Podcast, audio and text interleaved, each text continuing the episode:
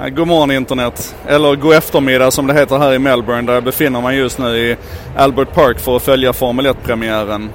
Eh, som ni märker är det lite stökigt här så jag ska inte prata så länge idag utan jag tänkte mest ge er en instuderingsuppgift över helgen och någonting att fundera på. Eh, för så här, där jag befinner mig just nu så eh, hälften av jordbruket i Australien är inriktat på eh, biffkött. Eh, alltså man odlar gräs och så låter man eh, biffkor eh, äta där och sen så blir det kött av det. Och det där känns ju rackarns gammalt. Jag skulle nog vilja påstå att vi nu står inför den största revolutionen sedan vi industrialiserade jordbruket egentligen. Och det handlar helt enkelt om att numera så vet vi hur vi ska odla kött. Eller det har vi egentligen vetat sedan 1922 men, men nu börjar det ta fart.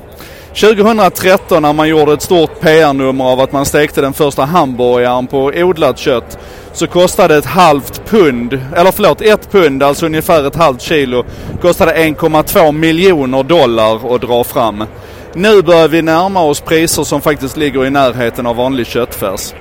Och det här med odlat kött är jäkligt spännande för att det låter ju artificiellt men det är det egentligen inte utan det är alltså helt vanligt kött kan vi säga. Men istället för att du odlar den här muskelmassan inuti en ko så odlar du den utanför i en labbmiljö. Eh, det bygger på ordinarie muskelceller som du eh, utfodrar kan vi väl säga. Och så sätter du dem i en träningsanläggning så att de växer under det att de töjs och sträcks och böjs och, och så. Och principen är att det här blir helt vanliga muskelfiber.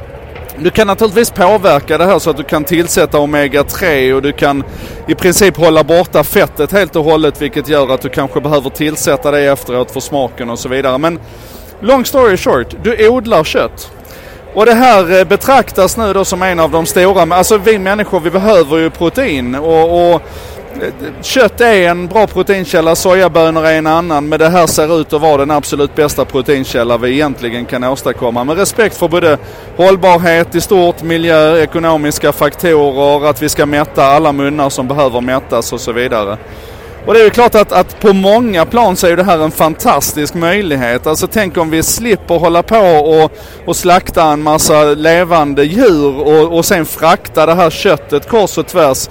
Och istället så kan varje McDonalds restaurang odla sitt eget kött på baksidan. Jag tror ni fattar att det finns lite potential i det här.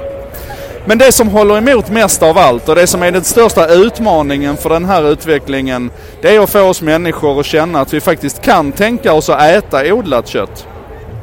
Så där tänkte jag lämna dig inför den här helgen. Att du studerar lite grann om det som vi kallar för cultured meat eller in vitro meat eller odlat kött på svenska. Att du läser på lite grann, funderar och klurar och försöker känna efter. Skulle jag idag kunna tänka mig att äta odlat kött?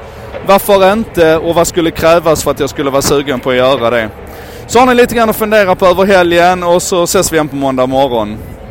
Det här var En sak idag producerat av mig Joakim Jardenberg med benäget bistånd av Bredband2, internetoperatören som gärna lyssnar när andra snackar och som ser till att ge spridning åt det här. Det textas och översätt av Contentor som är en eh, byrå som jobbar med modern marknadsföring på nätet, redaktionella texter på internet och just översättningar. Så fram emot lunch finns det här på både svenska och engelska. Det är nästan som det är magi. Så, eh, som sagt, klura nu på de där frågorna och så ses vi igen på måndag.